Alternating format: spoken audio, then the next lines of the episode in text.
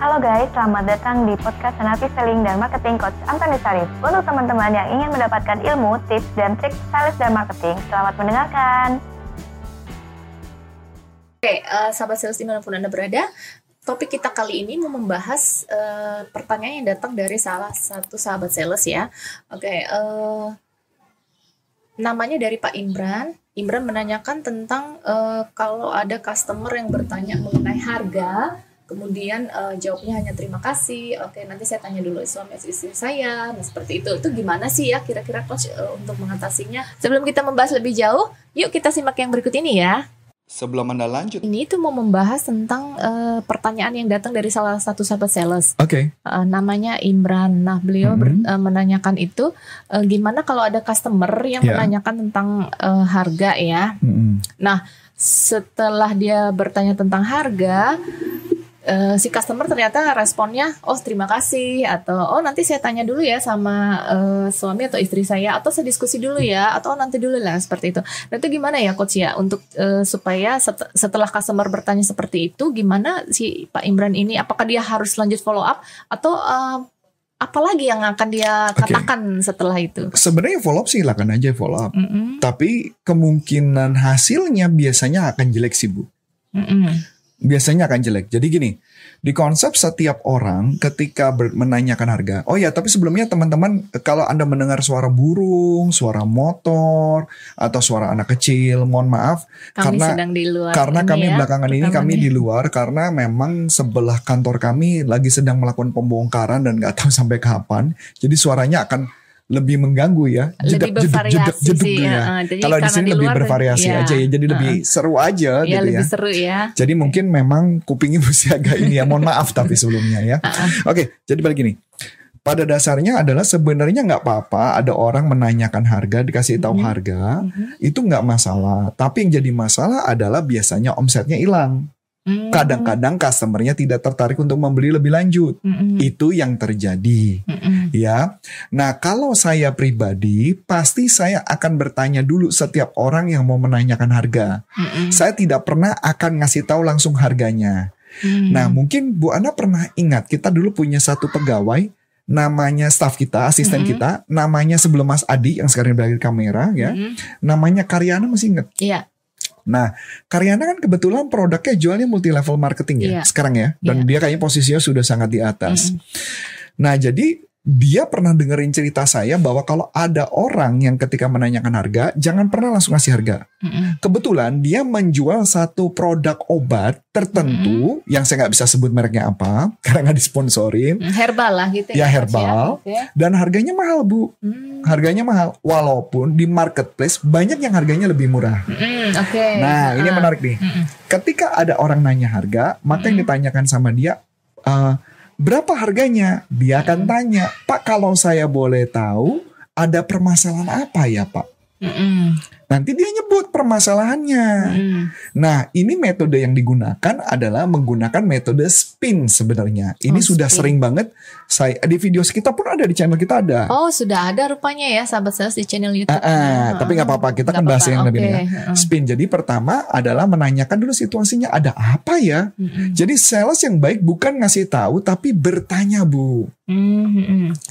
Kenapa ya? Oh iya, saya punya problem ini ini ini. Situasi kan. Oh, kita tanya lagi sudah berapa lama problem itu? Itu berarti menanyakan situasi. Mm -mm. Oh, problem saya sudah sedemikian tahun. Oh, su apa saja yang sudah Anda lakukan untuk menangani mm. masalah itu? Mm. Oh, saya sudah beli obat ini, sudah beli obat itu, tetapi hasilnya tidak ada. Mm. Oh, gitu. Nah, kemudian baru kita masuk ke P-nya, Bu. Problem. Jadi pertanyaan situasi problem-problem kita tanya problem yang seperti ini terjadi kan udah jelasnya ya. Oh sudah semakin lama. Oh gitu. Apa sih sudah dilakukan dia sudah sebutin problemnya. Nah pertanyaannya kita lanjut ke I implikasi. Implikasi adalah apa dampak negatif kalau permasalahan itu masih terus ada. Mm -mm. Dia ngomong. Uh, Ya Pak, kalau yang tadi Bapak katakan Pak, emang dampaknya apa sih Pak sekarang dalam kehidupan? Waduh, ini dampaknya kesehatan saya terganggu, saya tidak bisa bekerja, tidak bisa aktivitas dan sebagainya. Sudah habis berapa Pak selama ini untuk menangani masalah itu? Kita besar-besarkan problemnya. Oh sudah semakin habis berapa juta, hasilnya nggak bagus. Oh gitu ya Pak. Nah Pak, kalau Bapak ya pertanyaannya adalah, nah habis itu berarti N, need pay off. Berarti apa keuntungannya kalau dia berubah? Pak, kalau misalkan kami bisa memberikan solusi dan bisa menyembuhkan masalah Anda, bisa namanya ikhtiar ya, nah, herbal kan ikhtiar. Kira-kira apa dampaknya? Oh bagus banget, kehidupan saya bisa lebih baik, bla bla bla dan sebagainya. Udah kan? Mm -hmm. habis itu kita ngomong. Begini sih Pak, kebetulan kami mempunyai satu produk, tetapi produk kami harganya sedikit tinggi Pak harganya. Mm -hmm Ya walaupun memang banyak customer yang testimoni terjadi kesembuhan. Ya tapi setiap orang dampaknya berbeda pak. Saya nggak tahu. Nah ini yang namanya inokulasi. Hmm. Inokulasi adalah memblok keberatan mereka sebelum mereka ngomong. Hmm. Saya tidak tahu sih pak. Biasanya beberapa orang komplain sih katanya harganya mahal. Hmm. Tetapi balik lagi. Yang namanya ITR dan saya mempercaya bahwa produk ini bisa ngebantu Bapak Nanti kalau Bapak perlu apa pun, Bapak tanya saya, nanti saya akan bimbing Bapak untuk membantu prosesnya, Pak. Mm -hmm. Nah, dia kan happy ya, uh, kok orang ini baik ya. Nah, setelah itu barulah kasih tahu harganya. Nah, jadi jangan belum apa-apa sudah ngasih harga. Mm. Nah, itu contoh ya, ini contoh yang sederhana. Coba kita contoh lagi misalkan.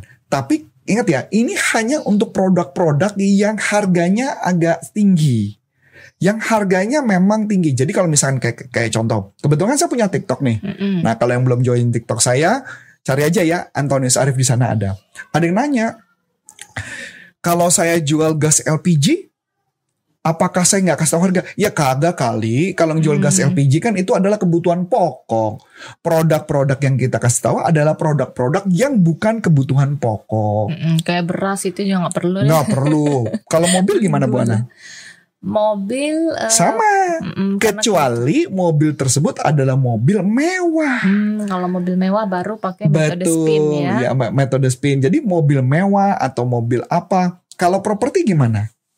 Um, perlu, pakai perlu, pakai perlu spin. karena bukan kategori premier. Jadi hmm. apa istilahnya yang wajib lah ya, bukan kebutuhan wajib. Jadi kalau kebutuhan wajib ya kita nggak bisa ngomong. Misalkan jual aqua galon, masa kita tanya harganya berapa? Bapak kenapa perlu kan ada juga. Kecuali kita ngejual air, airnya memang air yang mahal. Yang airnya misalkan ada tuh produk khusus air tuh ya, yang harganya mahal. Kita bisa ngomong bu.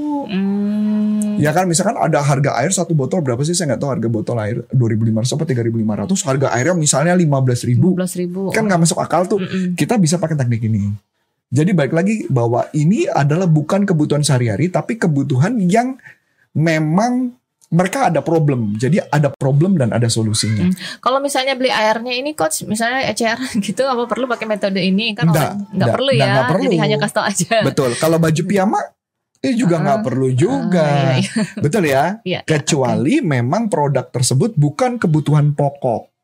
Misalnya hmm. baju mewah, baju apa gitu kan, hmm. itu bisa karena bukan kebutuhan pokok. Atau yang dijual dalam uh, apa kualitas eh, kuantitasnya besar ya jumlah besar mungkin ya coach ya maksudnya kuantitas dijual. besar juga kalau grosir biasanya permainannya bukan spin sih bu tapi hmm. permainannya adalah ada harga grosir oh oke okay. jadi gini bu ini ini ini ini gambar pertanyaan ibu bagus sih jadi gini contoh kalau kita jualan uh, itu kita nyebut ya B2B ya grosir jadi kalau grosir itu biasanya saya dulu sebagai sales ketika ada orang yang nanya harga kepada saya pasti harga saya kasih mahal udah pasti mahal tetapi pertanyaannya kapan harga itu bisa murah? kalau saya melihat orang ini punya potensi untuk membeli banyak, tapi biasanya mereka harus membeli dulu beberapa kali.